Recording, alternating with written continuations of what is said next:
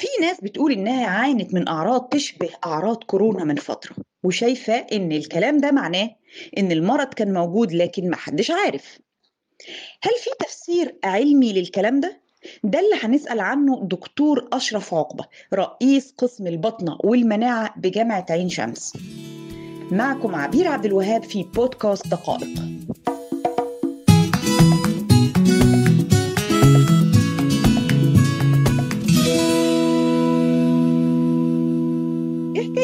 يا دكتور اللي ظهرت في نهاية 2019 وبداية 2020 تشابهت إلى حد كبير مع أعراض فيروس كورونا المستجد وعلاجها كان صعب جدا.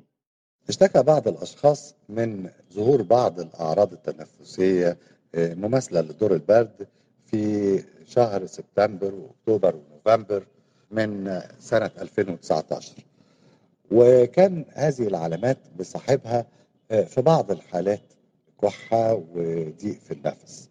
الجدل في الموضوع ده إنه بعض الناس تصورت إنه ده فيروس كورونا وإنه كان موجود من شهر سبتمبر يعني قبل آه، بدايته في حتى آه، الصين في مدينة ووهان اللي هي مقاطعة هان وبالتالي بدأ الناس تتصور إنه لا ده كان موجود موجود من بدري.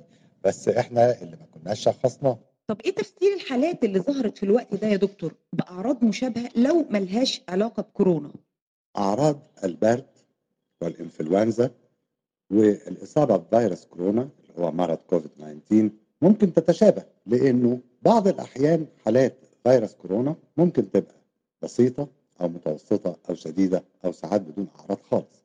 علشان كده من الناحية الإكلينيكية من الصعب جدا التفرقة بين الأمراض دي وبعضها. علشان نحسم هذا الموضوع إحنا محتاجين الحقيقة يتعمل دراسة دراسة زي كده محتاجة إن إحنا نحصل على الأشخاص اللي كانوا بيعانوا من أعراض تنفسية في الفترة دي ونعمل لهم التحليل بتاع ال IgG وال IgM ونتأكد إن هم ما عندهمش IgM لكن عندهم اي جي جي وفي نفس الوقت يكونوا ما هماش من ضمن المصابين بكورونا حاليا.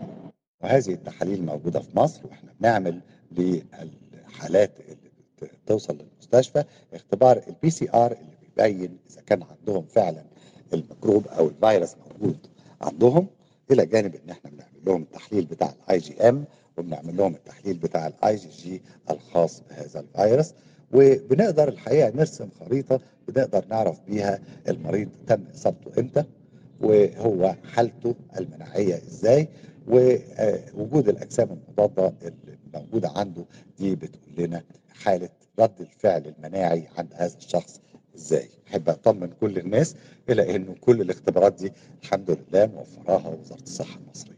طب إيه تأثير هذا الطرح على إجراءات التباعد الاجتماعي؟ خصوصا إن في بعض الناس بقوا شايفين إنهم أصبحوا محصنين. المشكلة دي طبعا بتخلي ناس كتير تفكر.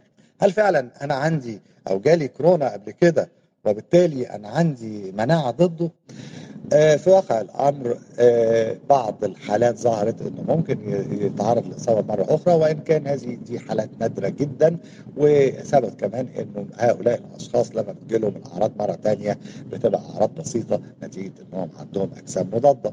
إلى جانب إنه هذا الاحتمال الحقيقة احتمال بسيط وضعيف جدا بالنسبة للموضوع ولا زال لسه تحت البحث لأنه إحنا بنتكلم على مرض مستجد وبالتالي لازم يبقى فيه أبحاث كتير عن هذه الحالات علشان نتأكد من وجوده ولا لا.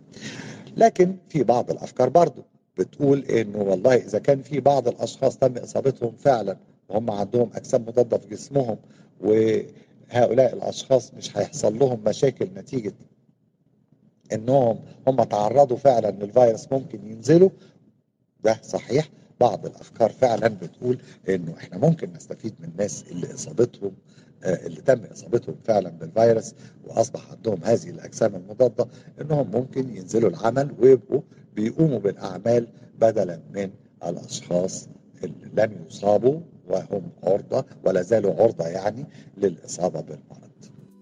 شكرا دكتور أشرف عقبة رئيس قسم البطنة والمناعة بجامعة عين شمس. كان معكم عبير عبد الوهاب في بودكاست دقائق.